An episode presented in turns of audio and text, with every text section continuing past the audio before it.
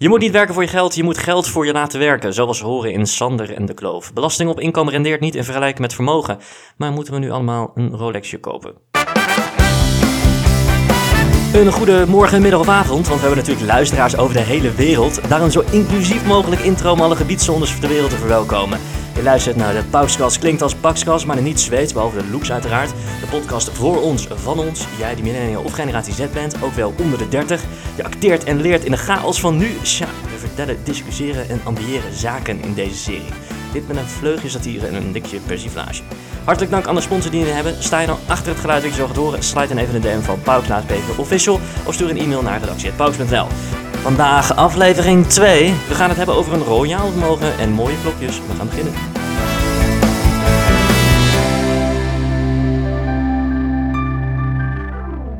Zo, we zitten hier uh, in Amsterdam. En uh, in nogal een uh, heel groot penthouse naast het Amstel. Ik kijk zeg maar uit op heel Amsterdam. Ik kan Muidenberg zien. Ik kan de Rabobank zien, de Zuidas. Ik kan de Arena zien. Chicago. Jezus, is niet normaal, jongen. Ken je Hugh Jeffner? Zo, jezus nou. Nee, nee. Maar uh, jezus man, is dit van jou dit ook? dit is van mij. Uh, want dit huurde ik. Ah, oké, okay, oké. Okay. Ja, dat zou natuurlijk meteen een goede investering zijn geweest. Want vandaag gaan we het hebben, lieve luisterkinders, over werken loont niet. En met wie anders dan kan ik dat doen dan Sjaak, Sjaak van de chocoladefabriek.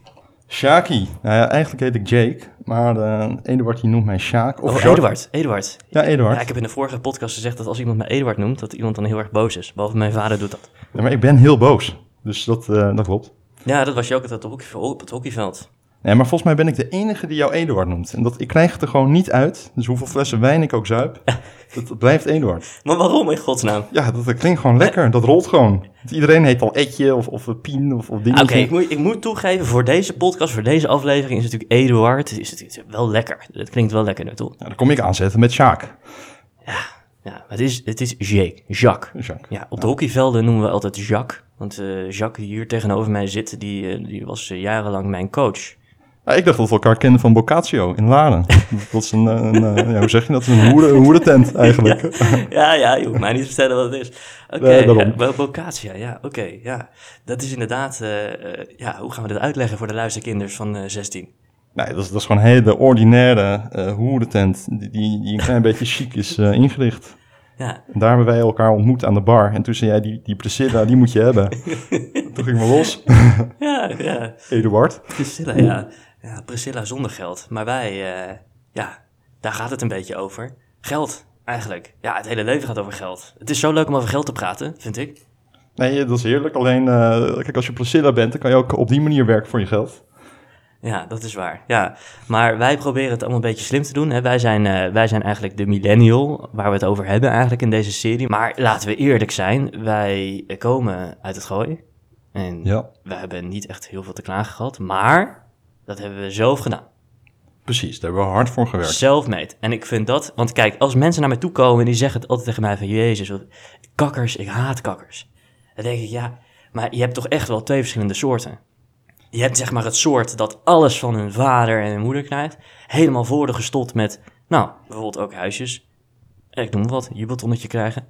Huisje aan de gracht, geen probleem. Maar je hebt ze ook die gewoon zelfmeet zijn. Zoals wij, kan ik wel zeggen. Zonder rode broeken. Ja, dat zijn wij. dus, dus daar herken je ze ook aan, toch? Aan die broeken, volgens mij. Ja, ja die broeken, ja. ja Rode ik, broeken, gele broeken. Ja, ik moet wel zeggen, het was wel een tijdje shit ook dat ik had uh, ruitjesbroeken vroeger. Ja, maar dat was jouw ding. Dat was mijn ding, ja. Maar inmiddels niet meer. Nee, maar inmiddels heb je ook een vriendin. nee, nee, eigenlijk niet. Ook niet. Nou, dan, Jij wat wel. draag je nu dan? Gestreepte broeken? Wat, waar gaan we heen? Nee, nee, nee. Maar ik, ik hou er niet zo van om onder de duim uh, gezeten te worden. Nee, oké. Okay, want, al die dames die jij tegenkomt, die, uh, die zijn uit op je geld en die, uh, die zetten jou gelijk onder de duim. Ja, maar dat vind ik dus niet interessant. Dames die uit zijn op geld, dat is gewoon niet interessant. Toch? Nou, Laten ja, we eerlijk zijn. Ja, ik, ik, ben niet goed voor een slordige 100 miljoen of zo. ik, ik ben ook maar een arme, arme voormalig student. Ja, maar daar gaan, we dus, daar gaan we het dus even over hebben. Dat vind ik leuk. Ja. Dus ja, eigenlijk een hele simpele vraag. Sjaak, waar gaan we in investeren komend jaar? Wat levert geld op? Nou, ik, ik, denk dat het belangrijk is dat je, dat je een soort basisbeginsel hebt. Um, dat er meer geld moet binnenkomen dan dat er uitgaat. Dus er zijn een hoop mensen die natuurlijk bezuinigen door eh, bijvoorbeeld bij de Albert Heijn naar de snelkassa te gaan. Ik hang aan je lippen, dat weet je. Ja, dat, dat snap ik. En dan, dan haal je gewoon zes treetjes sushi. En dan reken je alleen de Snickers af. Dus op die manier ja, hou je geld over natuurlijk. Als je toch op een koosjere manier wil aanpakken, beste kijkbuis, kinders, dan moet je gewoon slim met je geld omgaan en zorgen dat er meer geld binnenkomt dan dat eruit gaat. Dus je kan eh, vakken gaan vullen bij de Albert Heijn. Of je gaat een krantenwijk lopen. Of je gaat eh, drankjes rondbrengen voor 3 euro per uur. Maar je kan ook bijvoorbeeld iets anders doen. Ja, Dan of ga je- je, maar je kan het ook op een andere manier doen. Dus, dus zoek uit. Ik denk dat dat belangrijk is. Veel mensen focussen natuurlijk op, op hoeveel geld eruit gaat en dat je gaat bezuinigen. Maar je kan ook focussen op wat, er- wat er binnenkomt. Dus je kan eh, kleine handeltjes gaan doen. Je kan zeggen, ik eh, importeer Rolex uit China voor 2 euro per stuk. En dan verpatch je op Marktplaats voor 15 euro. Dan heb je een handel. Of je gaat eh, oudere mensen, die ga je een, eh, een workshop geven in, eh, dig- in de digitale wereld voor de 20 per uur. Blijf nog een uurtje hangen met die oudjes. Hmm. Vinden ze leuk, weer 20 erbij. Ja. Ja, nee, dat ben ik helemaal eens. Gaan we investeren in kunst of in Rolexen? Stel nou, hè, kijk, ik had het. Ik had 50k dat ik nu op mijn bank heb en ik denk, ik wil er wat mee. Wat moet ik dan doen? Nou ja, met 50k dan gaat het lastig worden in het vastgoed. Maar daar hebben ze een... ja, ja, dat, eh, Maar ja. er zijn, kijk, weet je, je hoeft het wiel niet uit te vinden. Er zijn gewoon gasten. Nou, dat denk gewoon- ik dus wel altijd. Ja, ik dat- denk dat dus altijd, je moet echt met een ei komen, jongen. Nee, dat wiel dat bestaat al. Er zijn al gewoon platforms waar jij met 50 euro kan beleggen in vastgoed. Dan heb je allemaal gasten zoals jij en ik en alle luisteraars. We gaan met z'n allen pompen 50 euro in een pandje. Dat klinkt wel heel de- decadent dit. Ja, maar ik ben dus een beetje tegen investeren in vastgoed, want dan kaap je al die woningen weg voor starters. Ja, eh, helemaal eens. Helemaal eens. Eh, Tenzij er natuurlijk andere doelstellingen zitten. Ik vind het natuurlijk wel weer heel goed als er wordt geïnvesteerd in het bouwen van nieuwe woningen. Maar jij bent iets rechtser, dat weet ik. Nee, dat, dat valt hartstikke mee. Gewoon voor de hoofdprijs verhuurde mensen. Dit, eh, nee, een geintje. Dat kan inderdaad echt niet. Maar inderdaad, als er een bepaald maatschappelijk belang bij komt kijken, dan, eh, dan kan je het op die manier wel rechtvaardigen. Toch? Maar, ja, ja, op zich wel. Maar alsnog, ja, ik, twijfel, ik twijfel wel eens. Ik denk, ja, moet ik dan extra geld apart houden om er iets mee te doen? Kijk, ik heb een, eh, een beleggingsrekening. Beleggingsrekening van eh ABN AMRO. En daar stort ik elke maand 100 euro in. Nou, en ik zit er dan naar te kijken. En aan het eind van het jaar is het minder waard. Dus alles wat ik erin stop, slaat helemaal nergens op eigenlijk. Nou, het eerste wat ik dan zou doen is even bellen naar de bank. dat je zegt, jongens, ik, Ja, maar ik heb een heel hoog risicoprofiel daar. Ik, ik, dus ik beleg best wel offensief. Dus eh, voor de luisterkinders, eh, dat, dat betekent dat je kiest voor een wat hoger risico. Dus ook het risico dat je wat meer geld kwijt bent. Maar het kan ook veel meer opleveren. Dus je kan een doel zetten. Een doel bijvoorbeeld over 20 jaar. Dat je het over 20 jaar een ton wil hebben. Nou, dan rekent dat ding uit. Nou, dan moet je dus 300 euro per maand inleggen in die portefeuille. Maar het kan ook de andere kant op gaan. Dus dat betekent dat je over 30 jaar geen ton hebt, maar 60k, 70k. Dat is alleen het gespaard geld. De rest is dan weg. Zou natuurlijk kunnen. Nee, maar kijk, het schijnt bijvoorbeeld tegenwoordig dat Russisch gas heel goedkoop is. Dat, dat, je denkt, nou, gat in de markt, Russisch gas, dat moeten we importeren. Maar als je dat koopt en We vervolgens... zijn nog niet bij de persvars, hè? Nee, we zijn- dit is geen persars. dit, eh, dit is gewoon realiteit. Oké. Ehm, maar kijk, het probleem is natuurlijk dat een aantal investeringen die lijken heel aantrekkelijk. Maar het is wel goed om, daar, om je daarin te verdiepen. Dus dat je ook de macro-economische gevolgen meeneemt. Of, of eh, dat, dat je meekijkt in die portefeuille waar de bank in investeert. Ehm, of misschien dat risico wat jij hebt, het Mhm. risicoprofiel wat hoog is. Misschien eh zitten ze wel een hele zeer risicovolle aandelen die je helemaal niet wilt. Nee, maar ja, daar heb ik dan toch niet het verstand van. En eh, om daarin te moeten duiken, dat kost je gewoon heel veel ja, tijd en, en energie om dat te begrijpen en te snappen. En ik, ik ben er gewoon niet zo goed daarin, denk ik. Ik denk dat het daarom heel goed is dat we het hierover hebben. Vastgoed en beleggen in aandelen, dat zijn natuurlijk meer de klassieke manieren om te investeren. Maar daartegenover, wat ik net ook al zei, je hebt natuurlijk handeltjes. Je kan, eh, kijk, die Rolex dat is natuurlijk ook een beetje eh, weinig kosher. Maar zelf heb ik bijvoorbeeld gehandeld in kunst. Ja, ik zie het. Er is een Rembrandt aan de muur hier. Nou, we kijken nu naar de nachtwacht. Dat is, eh, Nou ja, ik, ik zie hier dus een prachtig schilderij van een vrouw. En ja, dat is het eigenlijk. dat is geen naaktportret. Dat is, dat is een Nee, oké, maar ja, kunst. Oké. En dan, hoe werkt dat? Ik heb daar helemaal geen verstand van eigenlijk. Nou, als je een, laten we beginnen met een kleine portemonnee. Dus stel je hebt eh 10 of 20 euro te besteden. Er staan zoveel items op Marktplaats, op eBay, op, op al die sites. Die, Dan word je zo'n hoorder straks met allemaal, allemaal shit in je garage. nou ho ho, maar, ja, Waar zit het geld aan? Hoe weet jij dan wat... Nou, je bent een handelaar of je bent het niet. Ja, oké, oké. Maar waar weet jij dan van, nou, dit, is wat, dit was wat waard? Nou, het belangrijke is dat je gaat vergelijken. Wat, wat ik bijvoorbeeld eh, recent had gedaan, is het vergelijken van waardes op eBay en Marktplaats en andere eh tweedehands sites met veilingresultaten. Hmm. Dus ik had bijvoorbeeld is slim, ja. eh, een jaar of tien geleden een, een heel simpel foldertje van Banksy gekocht. Nou, je hebt gewoon een eh, expositie van Banksy in Londen. Er werd een bepaalde folder uitgedeeld aan het einde van die voorstelling. Nou, dat, tegen 2 pond per stuk. Hmm. Die worden nu verkocht voor eh, 25 pond. En via die finding sites, na twee jaar, werden ze verkocht voor 300 pond. Ah. Nou ja, zo heb je een handeltje. Ja, nee, oké, ik snap het. Dat is op zich wel slim. Heeft dat bij jou al een beetje uitgepakt dan? Nou, ik heb denk in totaal, ik hou het allemaal heel netjes bij in een Excel-overzichtje, maar ik heb denk iets meer dan 100 eh kunstitems aangekocht. Oh, wat, En wat vet. ik denk dat er twee met verlies zijn Oh. verkocht. Oké, maar als je dan zo'n ding hebt, waar verkoop je dat dan weer? Ook op eBay of dat soort sites? Nou, wat belangrijk is, is dat als je iets koopt via Marktplaats, dan zal je weinig concurrenten hebben uit China. Of uit andere Mhm. delen van de wereld, of eh, sterker nog, buiten de Benelux. Dus je koopt items op Marktplaats en vervolgens bied je het aan op grotere platforms. Bijvoorbeeld een KataWiki. Nou, dat is een, een eh, redelijk groot eh eh, veilingplatform die ook verkoopt aan, aan Aziaten, aan Noord-Amerikanen. Oh. Dus over de hele wereld verkopen die. Op die manier, als je iets koopt uit een kleine markt en je verkoopt het op een grotere markt, dan ehm, nou, heb je een grotere kans dat je een waardestijging hebt. Mhm. Ja, dat is eigenlijk wel een goeie. Ja, dus ik, ik ja, oké, Hm, interessant. Eh, ik heb een eh, woordje, mijn eh, woordje is 16, Robert. Dat is, best wel een slim jochie. Dat is niet, hij, gaat geen universiteit doen, maar is dus wel heel slim met het bedenken hoe hij van minder geld heel veel kan maken. Dus hij had, vorige maand had hij een Vespa gekocht, helemaal oud. Dus die hele Vespa was, nou, was helemaal naar de, naar de ratten, zeg maar. En, en ik zat, hij had een foto gestuurd. Ik denk, jezus, wat de fuck, wat heb je nou weer gedaan? Maar wat hij heeft gedaan, hij heeft die hele Vespa opgeknapt. Hem uit elkaar gehaald. Hij reed ook niet meer, dus hij heeft gezorgd dat hij reed. Nou, hij heeft dat ding voor 200 euro gekocht, volgens mij. 150 misschien wel. Nou, hij heeft zijn eh, vader gevraagd of die die scooter even wilde ophalen. Hij heeft hem in de garage gezet, een beetje gespoten en zo. Toen weer op marktplaats gezet. Voor 600 euro. Jongen, je is 16. Ja, Dat is gewoon 400 euro in dan ben je helemaal mannetje als je dat doet. Ja joh, maar dat is ongelooflijk slim. Ja. En eh, ja, toen zei ik tegen hem, eh, ik zeg dat wil ik ook wel eigenlijk. ja Alleen ik ben niet zo, ik kan wel een Vespa uit elkaar halen, maar dan, eh, dan komt hij nooit meer in elkaar. Nee, precies. Dat is een dat beetje mijn, Dat- ja. Dat, Ik ben, ben niet zo technisch. nee, twee linkerhanden, we kennen het. Ik kan niet eens een schilderijtje ophangen.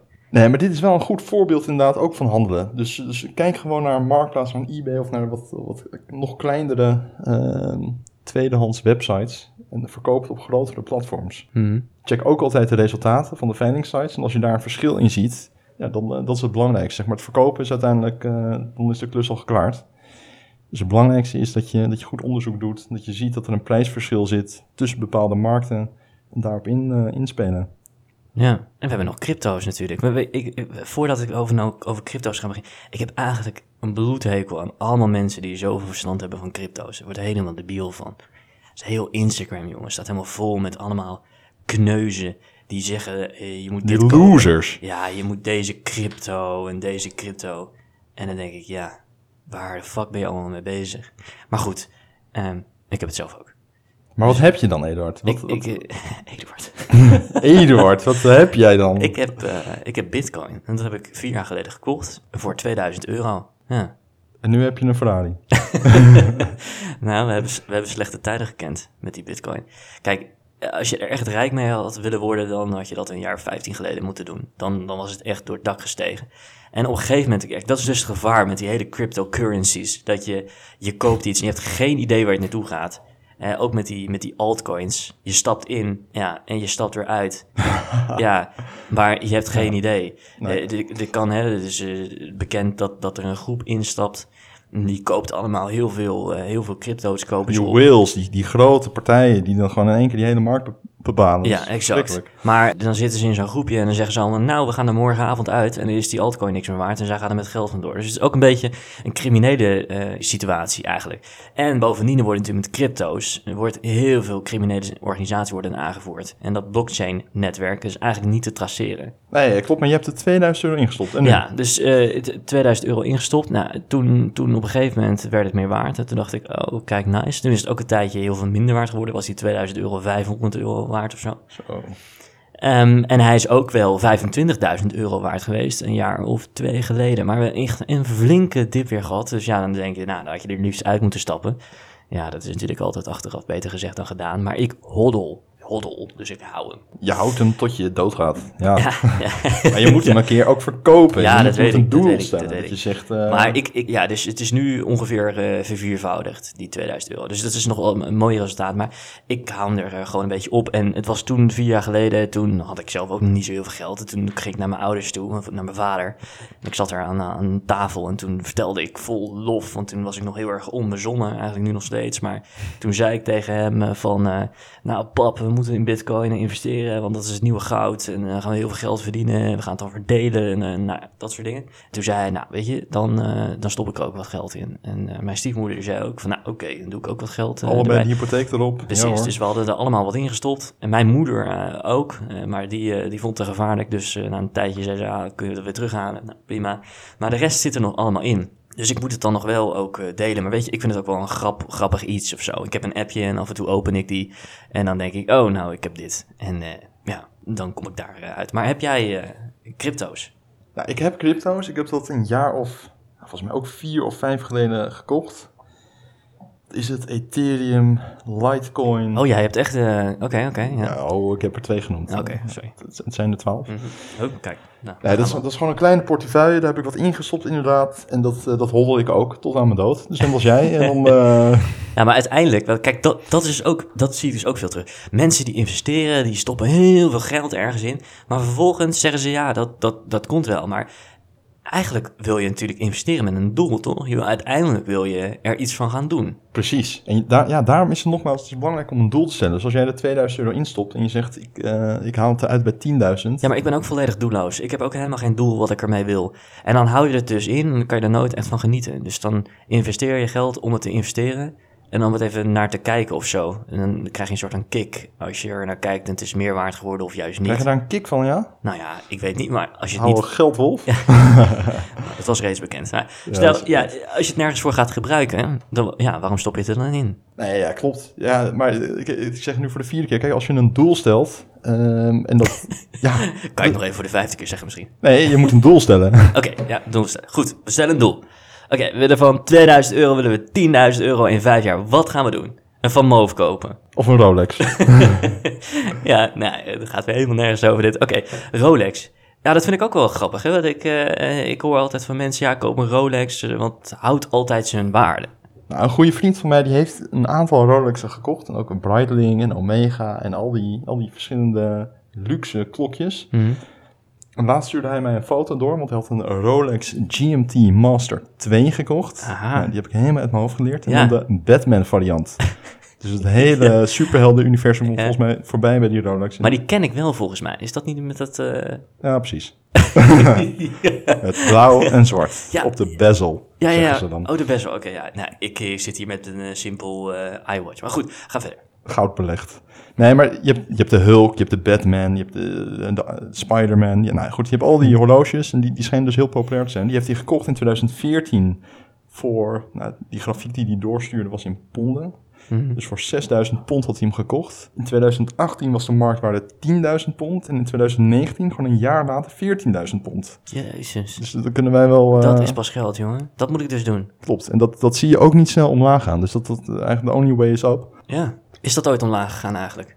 Nou, maar ik, ik heb me daar niet zo erg in verdiept. Maar ik weet wel dat, dat in ieder geval, met name dan die Rolexen, dat, dat gaat wel eh, eh, de lucht in. En dan heb je nog een aantal andere merken, Omega, Breitling, en dat is gewoon redelijk waardevast. Dus als jij zegt, eh, ik, ik, dan moet je wel heel veel geld hebben, maar ik betaal negatieve rente bij de bank, Mhm. stop het in horloges, Mhm.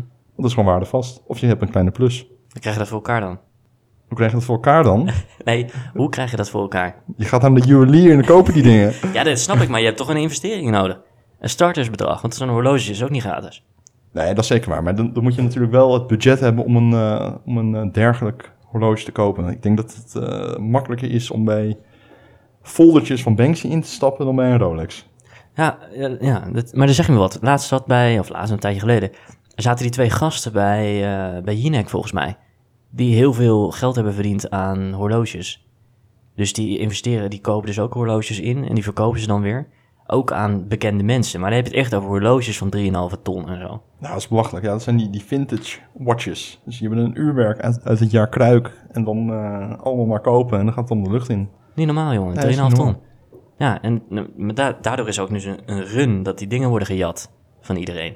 Dat hoor je toch al, hè? dat die BN'ers worden geript. Nee, vooral hier in Amsterdam natuurlijk. Dat, dat gaat heel hard. Ik was naast toevallig werk, eh, sprak ik iemand die ook een horloge had verkocht, een Rolex. Omdat hij zei, ik durf eigenlijk durf ik niet eens meer met de, met de tram naar de kantoor als ik dat ding om heb. Ja, maar ja, dat, dat hoor ik dus ook altijd. En het is continu in het nieuws. Dat maar mensen, eh, ja, dat, dat ze zo'n ding om hebben. En helemaal in de, in de zomer natuurlijk. Een kort shirtje aan, een polootje, rode broek. Hè? Beetje mensen verblinden met dat ding om je pols. Precies, en dan loop je de Amsterdam-Zuid heen. En, en, en vervolgens komen er twee eh, hele serieuze, boze mannen naar je toe. Ja, precies. En eh, gaan alles jatten. Ben jij wel eens eh, geript eigenlijk, niet? Nou, ja, dit, dit wordt een heel slecht verhaal. Maar ik, ik was een keer in, in het buitenland, in Frankrijk, op zoek, op bezoek. Mijn, Op zoek naar kunst. op zoek naar kunst. Ja. Ik, kunstroof in het Louvre. Nee, ik was daar met een maat van mij. En eh, wij moesten altijd door een bepaald steegje om bij hem te komen, bij zijn appartement. Dus Hmm. nou, wij elke keer door het steegje en daar zagen we al wat, wat lugubere types die niet bij de schaakclub zi- zitten. Dus, dus ja, wij daar doorheen en af en toe werden we aangesproken en een grote mond terug, weet ik veel wat, niks aan de hand. Maar de dag dat ik wegging, die avond, toen is hij met, met een gigantisch zwaard op zijn keel is hij beroofd. Nee joh, Ja, dus ja, wat wil ze hebben? ja, zo zie je maar, als ik er niet bij ben, dan... eh, Ja, ja jongen, maar dan rennen ze hard weg. eh, precies. Maar wat hebben ze gejat? Wat- Ja, eh, iPhone en twee goudstaven. Nee, weet ik veel. Het, Nou ja, ik ben ook wel eens geript. Ik was in eh, Bulgarije. Sunny Beach. Sunny Beach. Sunny, ja. Daar was ik. Ik ging daar naartoe op eh, examenreis. En eh, nou, dat was, eh, dat was heel leuk. Nou, iedereen kent dat wel. Je gaat met een groep van tien man ga je daar naartoe. Nou, we zaten in het vliegtuig. hartstikke gezellig. We kwamen eraan en we gingen uit. En, maar ja, Sunny Beach staat bekend dat er gewoon veel wordt gejat. Maar hier in Amsterdam ook. Ik heb het nog nooit meegemaakt, dus ik was er ook niet bang voor. Vervolgens gingen we uit, gingen we stappen. Dus nou, mooi overhemdje aan natuurlijk, want we wilden nog wat regelen. Hè? Ik nam alles mee, iPhone, pasjes, eh, ik had mijn eh, ID mee en geld, contant geld, want eh, ja, het was er lastig om te pinnen. Dus we gingen die strip op en we gingen uit en nou, dat was allemaal gezellig.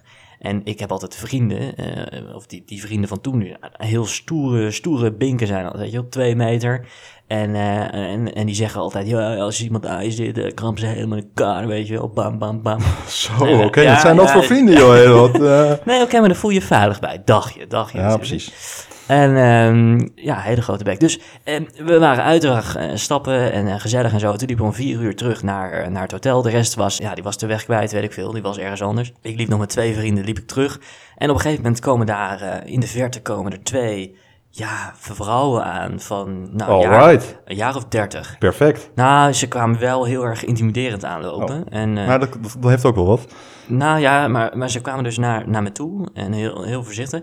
En die andere vrienden, nou ja, we liepen dus rechtdoor. En op, op een of ander moment, gewoon pats, ze doken allebei op me. Eentje Zo, die die greep, vrouwen. Ja, joh, eentje die greep me vol in mijn, in mijn ballen. Dus ik had pijn, joh. Jeetje. Ik dacht, wat fuck gebeurt hier? Dus wat gebeurt er als je in je kruis wordt geknepen, over grensoverschrijdend ges- gedrag gesproken... Ja, ja. En ga je natuurlijk met je twee handen naar je kruis toe, waardoor er geen handen meer zijn bij je zakken. Dus binnen een mum van tijd, en heb ik het echt over een split second, waren al mijn zakken Zo, leeggeroofd. Ja. En ja, ik kreeg nog een, een tik op mijn gezicht en ja, mijn, mijn armbanden en dingen waren ook allemaal afgerukt. Het was in een split second. En toen renden ze weg. En het grappige is dat ik keek links. Naar die vriend links, die was er niet meer. En ik keek naar mijn vriend rechts, die was dat? er ook niet meer. Nou, Dus ik stond daar alleen en helemaal niemand had tikken gekregen, behalve ik. En ik was ook geript, ik had helemaal niets meer. Dus nou, toen snel naar het eind, eind van de straat, door, daar stond die vriend achter een huis te wachten, weet je wel. Jezus. Van, huh, huh. Dus ik ren ik zeg, ja gast, ik ben geript, alles weg, eh, telefoon, weet ik al wat. Dus inderdaad, telefoon weg, geld weg, eh, pasjes weg, ID weg. Dus ik heb daar de, de volgende dag de hele dag op het politiebureau gezeten, met al die aangiftes en Jezus shit. man, wel een heftig verhaal. Ja, En en die dames die waren ook weg. die waren ook weg. Die lagen niet in jouw appartement. want Die had die sleutels natuurlijk. Die lagen niet Eh, klaar op bed ja, om... die hadden, eh, dat, ah, dat, dat pasje van het hotel hadden ze, maar Ze hadden ook eh, mijn geld. Nou ja, ik was 16, dus ik had niet meer dan eh 16 euro. Nee, Oh. nee, ik denk 50 euro of zo. Maar goed. En mijn, mijn telefoon. En ja, we weten allemaal, je telefoon, daar kan je niet zonder. Je telefoon is de hele dag aangeplakt. En ik wilde mijn telefoon terug, natuurlijk. Dus ik zat bij het, politiebureau de volgende dag. Nou, geen hond die daar Engels sprak, of Nederlands, notabene. Terwijl dat wel vaker gebeurt. Dus de hele dag aangiftes opgenomen en eh, nou, gezeik. Maar het andere ding was, ik kon ook niet terug naar Nederland, want ik had mijn ID ingeleverd. Ja, ik kon gewoon niet, ik, ik kon niet terug. Dus ik moest Helemaal ook naar de ambassade toe. Ja. En die ambassade die heeft me toen geholpen met een nieuw eh, identificatiemiddel. Die kon gebruiken om terug te gaan naar Nederland. En het grappige is dat vier jaar later kreeg ik van de politie een bericht in Nederland. dat mijn telefoon was gevonden. Vier jaar Ja. later? En eh, het, het mooie was, ik had die avond was ik uit geweest. en eh Kraantje Papi die had opgetreden. Nou, dat was dubbel. En daar had ik een selfie mee gemaakt.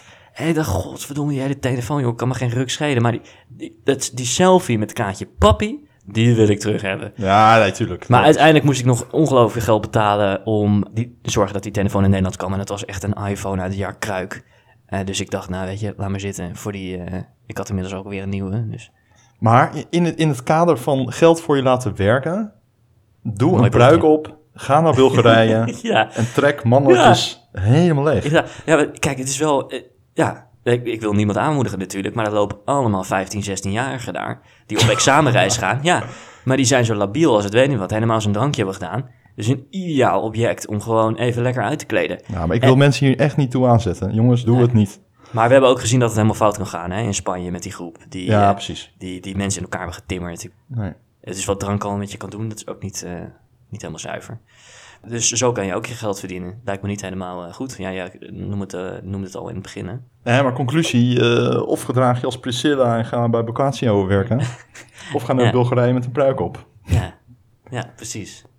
Nou ja, goed, waar we het over hebben gehad, eh, zijn natuurlijk je Rolex en kunst. Ehm, je kan natuurlijk ook gewoon simpelweg geld sparen. Er zijn een hoop mensen die... Ja, maar sparen, dat levert toch een reet op? Dat levert ook helemaal geen reet op. Maar je kan ook gewoon elke keer als er geld binnenkomt van Ome Duo...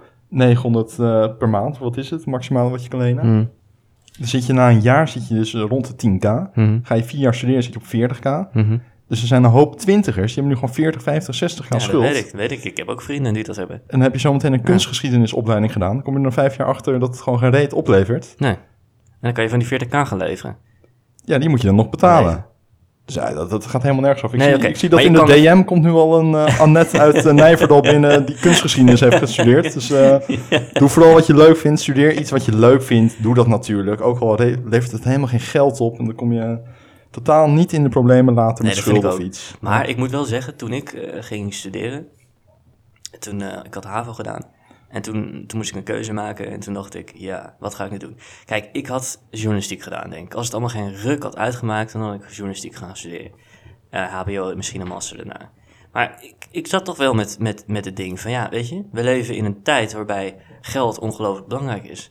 Want je moet alles met geld doen, toch? Nee, dat is zeker waar. Dus- natuurlijk, ja. ja, je hebt dat gewoon nodig. En, en ik, ik interesseerde me trouwens ook heel erg in economische zaken, nog steeds. Ik had zelfs een vakprijs economie gewonnen op de HAVO. Dus ik dacht, Zou ik het niet moet zeggen. Nee.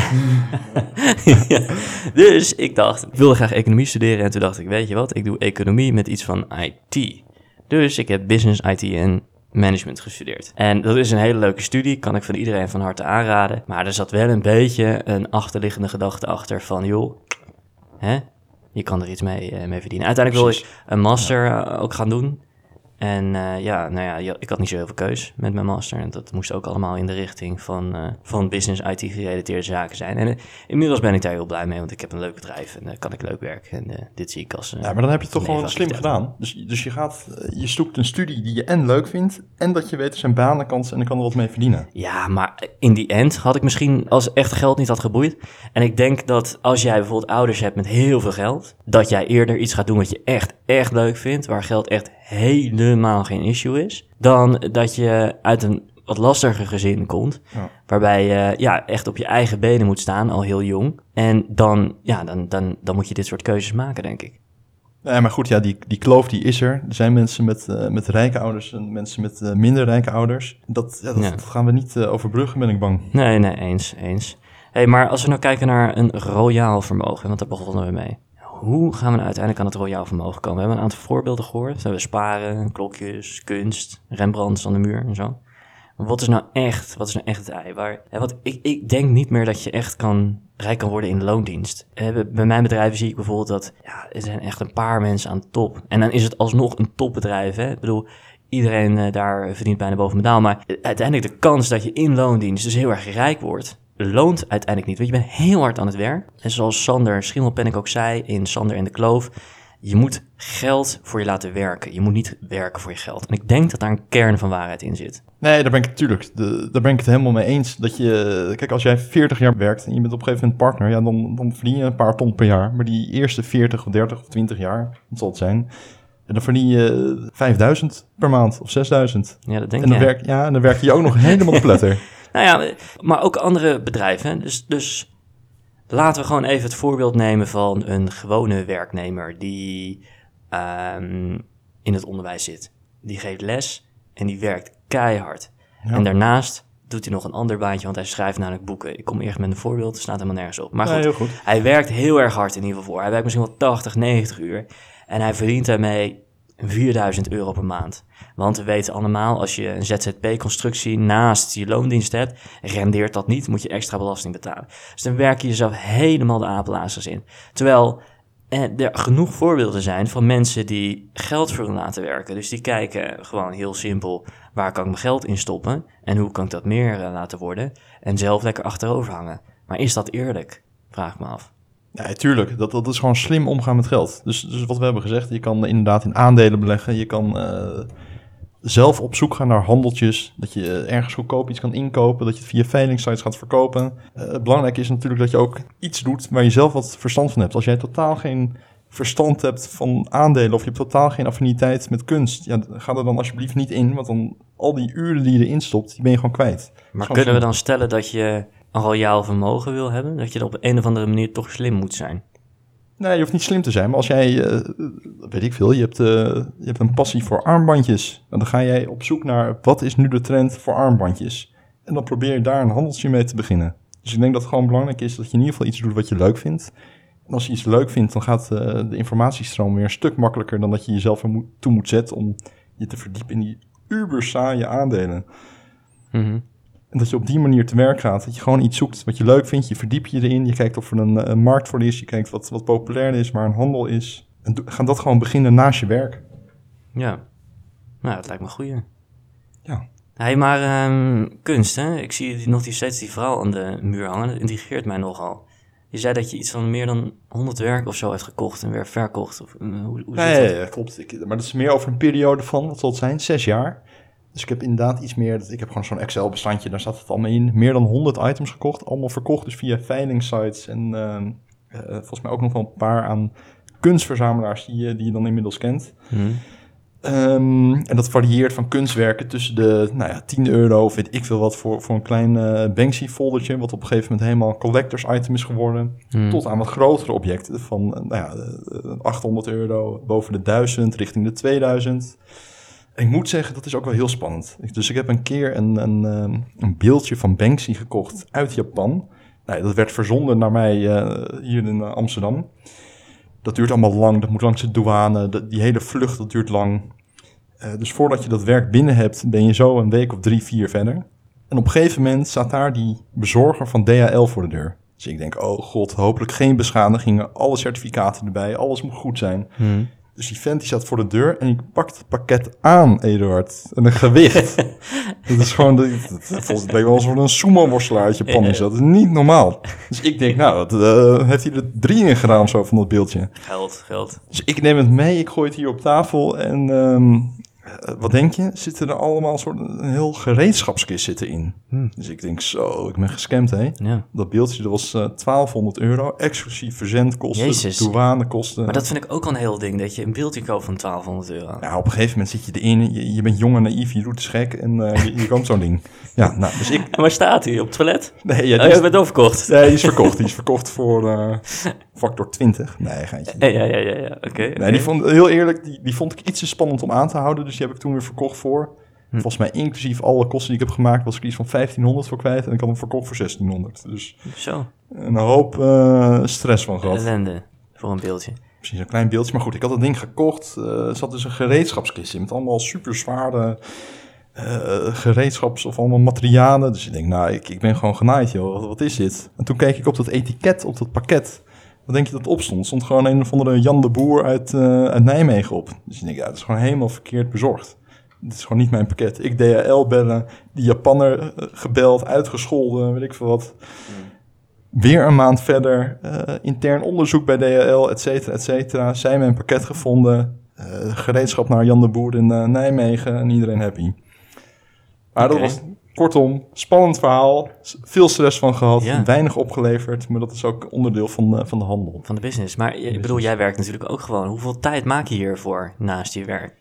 Nou, in het begin, toen ik minder druk was met werk, had ik hier best wel veel tijd voor. Dus toen ik nog studeerde of, of je hebt een bijbaan, dan denk je dat je heel druk bent. Dan heb je Mm, tentamens en je hebt een scriptie. En je denkt, nou, dit, ja, nu- helemaal kapot. dit is gewoon de piek in mijn leven, hoe druk Ja. ik ben. Ja, En beste luisterkinders, als je het eerste jaar gaat werken, dan eh, ben je echt kapot. dan- precies, ben je echt kapot. En Ja. dan heb je volgens mij nog een gradatie, dat is wanneer je kinderen krijgt. Dan ben je nog meer kapot. Dan is het... Maar daar zitten wij nog niet, godzijdank.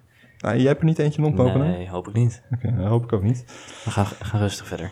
Ehm, maar ik, ik denk dus dat die... eh, iedereen die denkt op een bepaald moment, ook als je... Je doet een opleiding, middelbare Mm. school. Je denkt, nou, nu heb ik examens. Het is gewoon het drukste moment ooit. Als ik dit haal, dan, dan heb ik gewoon alles bereikt in het leven. Dan heb je die vervolgopleiding. HBO, universiteit, mbo, wat het ook mag zijn. Dan denk je, nou, nu heb ik het zo gigantisch druk. Vervolgens werken, dan heb je nog drukker. En dan met een kind. Mhm. Dus je bent altijd druk. Dat Ja. is eigenlijk de conclusie. Start vroeg. Start met, eh, met handelen. Want anders ga je het niet meer doen. Nee. Nee, ik heb nog wel één ziek verhaal. Want ik was, eh, denk een jaar of vijf geleden, was Justin Bieber in Nederland. Ja, nou ja, ik ben daar zelf geen fan van, maar ik hoorde dat hij kwam. En ik hoorde ook dat altijd mensen kaartjes kochten voor echt nou ja, hele kleine bedragen. En dat doorverkochten naar echt voor werkelijk waanzinnige bedragen. En dus dan koop je een kaartje voor 200 en dan de dag van tevoren kan je het voor 1000 euro slijten of zo. Dus ik dacht, weet je wat? Ik koop vier kaartjes in de Golden Stage. Dat is echt vooraan een VIP, Zo. double VIP. Dan kun je hem gewoon aanraken ook, toch? Ja, dus ik dacht, weet je wat, fuck it. Ik koop gewoon voor 500 euro, koop ik vier kaartjes. Voor Justin Bieber. Voor Justin Bieber. Ja. Om er zelf niet naartoe te gaan, maar ik dacht, Ja, weet je, ik ga het gewoon van- een, eh, een dag van tevoren verkopen. Nou, weet je hoeveel stress me dat heeft opgeleverd, jongen? Want niemand wilde die Golden Stage kaart, omdat die veel te duur waren. Ja, Dus ja, ja. 500 euro per kaartje. En ik dacht dan nog eventjes, weet je wat, dag van tevoren, ik ga er eventjes meer van, eh, van maken. En ik had toen de tijd een, eh, een vriendin. En eh, die, eh, die was fan van Justin Bieber. Ja, sorry, vraag me niet waarom, maar die was fan van Justin Ja. Bieber. Dus die zei, weet je Hoe wat... oud was hij? Ja, ik val altijd op net even wat jongens, zoals je weet. Maar zij, ehm, zij wilde graag die kaartjes hebben van mij. Want zij wilde daar graag naartoe met een vriendin. Dus jij je vriendin opgelicht? Ja, nou, ik zei ja, ik zeg ja, weet je, ik heb er 500 euro eh, aan betaald en, en het krankzinnig bedrag. Dus zij zei, weet je wat, ik koop gewoon zelf even kaartjes. Nou, oké, prima. Dus zij had zelf kaartjes gekocht ook, eh, vier kaartjes. En ik had nog steeds die vier VIP-kaartjes. Nou, op een gegeven moment had ik ze op Marktplaats gezet. Hè, dus ik had ze totaal 2000 euro. Dus ik dacht, weet je wat, 3000 euro, vier kaartjes, geen geld. Ik wil ze ook nog verzenden. Ja, nou, niemand die natuurlijk die kaartjes wil verzenden. Ja. Maar sterker nog, ik kreeg geen enkele reactie, jongen. Ja, op een gegeven moment kreeg ik van een of andere pipo een reactie. Voor 300 euro zijn ze voor mij. Nou, ik denk, what the fuck, jongen. Ben jij, spoor je mij helemaal niet? Ik heb er 2000 euro aan betaald, jongen. 300 Zo. euro. Nou, dat heeft me echt slapeloze nachten opgeleverd, jongen. Ik dacht, ik doe ook zo ook een goede investering. En verkocht. Wel. Nou ja, uiteindelijk dus een dag van tevoren, en en twee dagen van tevoren, naar Ticketswap, dat ken je natuurlijk. Ja, Dat ja. is die app waarbij je kaartjes kan opzetten en, en dan worden ze verkocht. Eh, maar daar kan je niet meer dan 10% voor de vraagprijs voor vragen. Maar blijkbaar had ik een hele slechte categorie kaartjes gekocht. Die Golden Stage, net voor de Main Stage, VIP, wat eigenlijk niemand interesseerde, want ze wilden daar gewoon zijn voor zo goedkoop mogelijk prijs. Ja. En eh, had ik de dag van tevoren, zei mijn vriendin van, nou ja, kunnen we die VIP-kaartjes niet met mijn kaartjes wisselen dan? Hè? Dan geef jij mij die cadeau. Ja, zo werkte dat in mijn relatie toen. Kijk. Dus toen dacht ik, nou ja, fuck it, weet je. Nou, ik, eh, ik vind, vond jou zo lief dat ik geef jou die twee kaartjes wel, dan geef jij mij die twee gewone kaartjes, verkoop ik niet via Ticketswap. Dat heb ik uiteindelijk gedaan. En daar, zijn, daar is wel wat geld uitgekomen. Maar uiteindelijk, nou, 2000 euro. Ja, ik denk dat ik totaal 1500 euro heb verdiend. Die twee andere kaarten heb ik nog kunnen kopen onder de verkoopprijs. Dus uiteindelijk heb ik 500 euro verlies gemaakt op Justin Bieber. Waar ik zelf niet eens ben geweest. En ik heb er ook nog 80 uur aan besteed. Jezus. Hoofdpijn, hoofdpijn. Wat Echt kut. ongelooflijk. Ja, maar je wilde hem zelf niet aanraken dus. Nee, Justin. nee. Volgens mij zijn we een beetje bij de persvars aangekomen. Persvars. Persvars! Persvars! Persvars.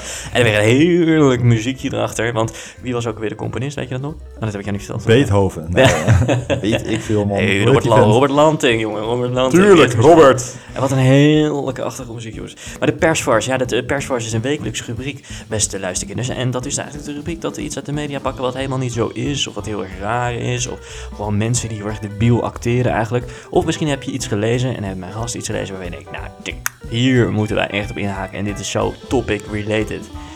Maar dat is dus de persvars. En Shaki, mijn vraag aan jou, wat is jouw persvars? Nou, Ed, ken... Oh, hoi, zeg ik nou Ed? Je zegt Ed, je zei nu echt Zo, Ed. ja. dit kan op de Ja, voorpagina. maar dat, komt, dat, Eduard. dat komt door de wijn, hè? Dat Ja, komt dat door de wijn. Ik ga in één keer Ed zeggen. Dit vind ik heel eng. Nou, dit was de persvers. Nee, ken jij Expose Protocol? Heb je daar ooit van, ooit van gehoord? Nog nooit van gehoord. Expose Protocol. Nou, dat is dus een crypto scam. Dat heb je dus ook, heb net over crypto gehad. Je hebt dus ook een crypto scam. En die adviseurs van die Expose Protocol, dat zijn Mark Overmars. Dus die heeft niet Oh, alleen... Ja, ja dat was Ja. er niet bij Boos, bij uh, Tim Exact. Aha. Ja, die Dus die heeft niet alleen zijn hand in zijn broek, of uit zijn broek, of wat het ook mag zijn, maar ook zijn hand in andere mensen hun zakken. Ja. Dus samen met eh Rauw en de Geus hadden zij een adviserende rol bij die Expose Protocol. En daarmee deden ze allemaal beloftes, een mega marketing. Maar wat deed, dat, wat, wat deed dat ook alweer? Ja, dat is gewoon een crypto coin. Oh, oké. En daarmee zochten zij investeerders die zij met een verhaal lekker hebben zitten maken Ja. om te gaan investeren. Dus ze zeiden bijvoorbeeld, nou, er zijn Hmm. DJ's, artiesten, er zijn eh, eh, atleten op, op de Olympische Spelen. Die gaan allemaal promoten voor ons. Er is zelfs een, een eh, grote reclamecampagne op 433. Dat is een eh, platform met 60 miljoen volgers. En die gaan het allemaal promoten. Dus, dus deze coin die gaat door het dak heen. Nou, al die investeerders die hebben ingestapt. Op een gegeven moment was de marktwaarde van die Expose Protocol 125 miljoen dollar. Ja. En inmiddels is het 150.000 dollar. Dus eh, tel uit je verlies. Maar het, wat grappig is, toen wisten we nog niet van Mark Overmars nu. Nee, zeker. Hebben we dat ding er ook nog eens bij nu?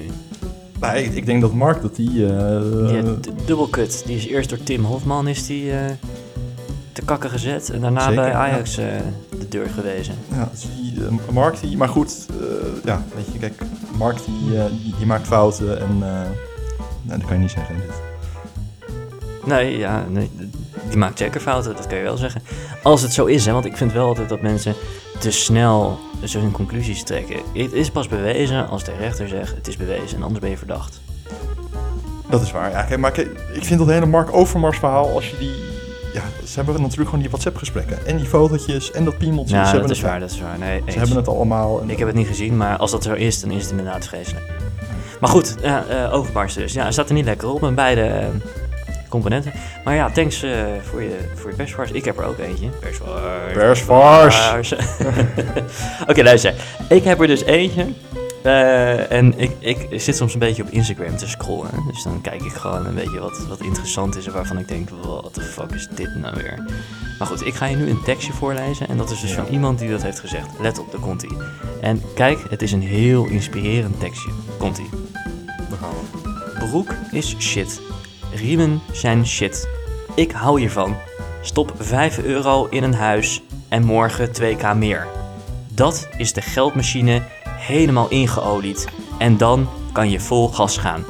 Ja, dit vind ik heel eng, wat je nu zegt. Nee, dat vind ik heel eng. Dit is serieus, want dames en heren, beste luisterkinders, dit is René Kooijman. Of hoe hij zich, hoe hij zichzelf noemt, René de Leeuw Kooijman. Vind ik heel En- eng. Ja, en dit is dus een, een meneer die, ehm, ja, wat, ja, hoe kan ik dat nou het best zeggen? Maar eh, ongelooflijk debiel. Hij staat dus filmpjes op te nemen thuis, hoe je het beste van 5 euro 2k kan maken in één dag. En dit, dit slaat nergens op, want je zit het te bekijken en dan denk je, wat ben je in godsnaam aan het lullen? Hij zegt, je moet een doel eh, stellen en dan moet je 5 euro in dit huis stoppen. Daar gaat het om mis. Wacht even. Nee, nee daar, 5 gaat het goed, euro. daar gaat het goed. Als je een doel stelt, dat is prachtig. Ja, maar- maar inderdaad, die 5 euro en 2k. Dat, is- ja. Nee, nee, maar hij zegt dus: stop 5 euro in een huis en morgen 2k meer. Wacht even. Je stopt 5 euro in een huis. Welk huis? Wat, Waar ik- moet je die 5 euro vandaan halen? En hoezo is 5 euro morgen 2k meer? Waar, waar slaat het op? Maar weten wij zeker dat deze leeuw niet een TIA had op het moment? Ja, ja, maar dit vind ik heel heftig. Je kan dit, want op Ja. Instagram zitten jonge mensen. die nog niet, eh, dat, dat is het probleem. Dat is het hele 18. probleem. Die hebben 5 euro eh, spaargeld. Ja. hoe heet het? Eh, zakgeld. Ja, Dus die denken, nou, 5 euro, ik stop het in een huis. Die gaan er wat mee doen. Geadviseerd door deze enge, enge vent. Ja. Ik vind het heel eng. ja, ja. Maar wat hij dan vervolgens zegt, dan is de geldmachine helemaal ingeolied en dan kan je vol gas gaan. Nou, kan ik even een barfje leggen, Ja, ik vind het heel eng. Jezus, echt. Wat een nare. Maar hoe ziet dat account eruit dan van die gast? Nou, hij heeft dan best wel veel volgers ook. Ja? Maar ik denk, ja, nou, hij maakt allemaal filmpjes van zichzelf en hoe je dan zowaar geld kan maken op een hele makkelijke manier. Maar dat is een vlogger. Alsof het niets heeft, Die heeft veel volgers en mensen die trappen hier allemaal geheid in. Ja. En zo zie je maar, je hoeft geen universiteit te hebben gedaan om geld te verdienen. Maar of hij dat ook echt doet, dat, weet ik niet. Hè. Maar ik kan het gewoon tegen en toen dacht ik, ja, dit, dit is gewoon super slecht. Als dit Instagram leidt straks en, en, en, en iedereen gaat hier maar in mee. En die denkt ook, oh, ik moet 5 euro ergens op een site betalen. En dan krijg ik morgen 2k voor terug. Ik las laatst ook. Dan eh, kon je 5 euro overmaken en dat bedrijf betaalde jou dan 10 euro. Nou, jongens, beste mensen, dat gebeurt niet. Dat heet oplichterij tegenwoordig. Eh, en laten we daar even duidelijk over zijn. Dus doe het vooral niet. En als je dan een keer 5 euro wil overmaken, doe het dan naar mij. Hè? Of naar Giro 555. nou ja, Ja, ja, ja, absoluut, absoluut. Giro, eh goede doel, is echt waar we met z'n allen in moeten investeren. Goed, dat was de persvars. Persvars! Persvars, persvars, ja, dank, dank, dank, dank. Ja, en dan eh, zijn we bij de laatste rubriek, de wekelijkse rubriek, ook de vraag uit de DM. Maar ehm, deze eh, keer heb ik hem gewoon uitgekozen. Ik denk, jij hebt er helemaal niets over te zeggen vandaag. Nou ja, dat, Ja. dat gaan we nou krijgen, Eduard. Dat hele format van jou. Ik, ik ben Ja, toch de gast. dus ik pak hem, ja, dat is waar, dat is waar. Dus ik pak hem er even, ik pak hem er even bij. Even kijken, ze heet Sophie. Sophie. En als ik naar haar Instagram profiel ga, dan zie ik Sophie Amsterdam-based. Dat je het weet. Dat Kijk, je het weet. Amsterdam-based, jongens. Want dat moet tegenwoordig in de bio staan. Met drie van die kruisjes.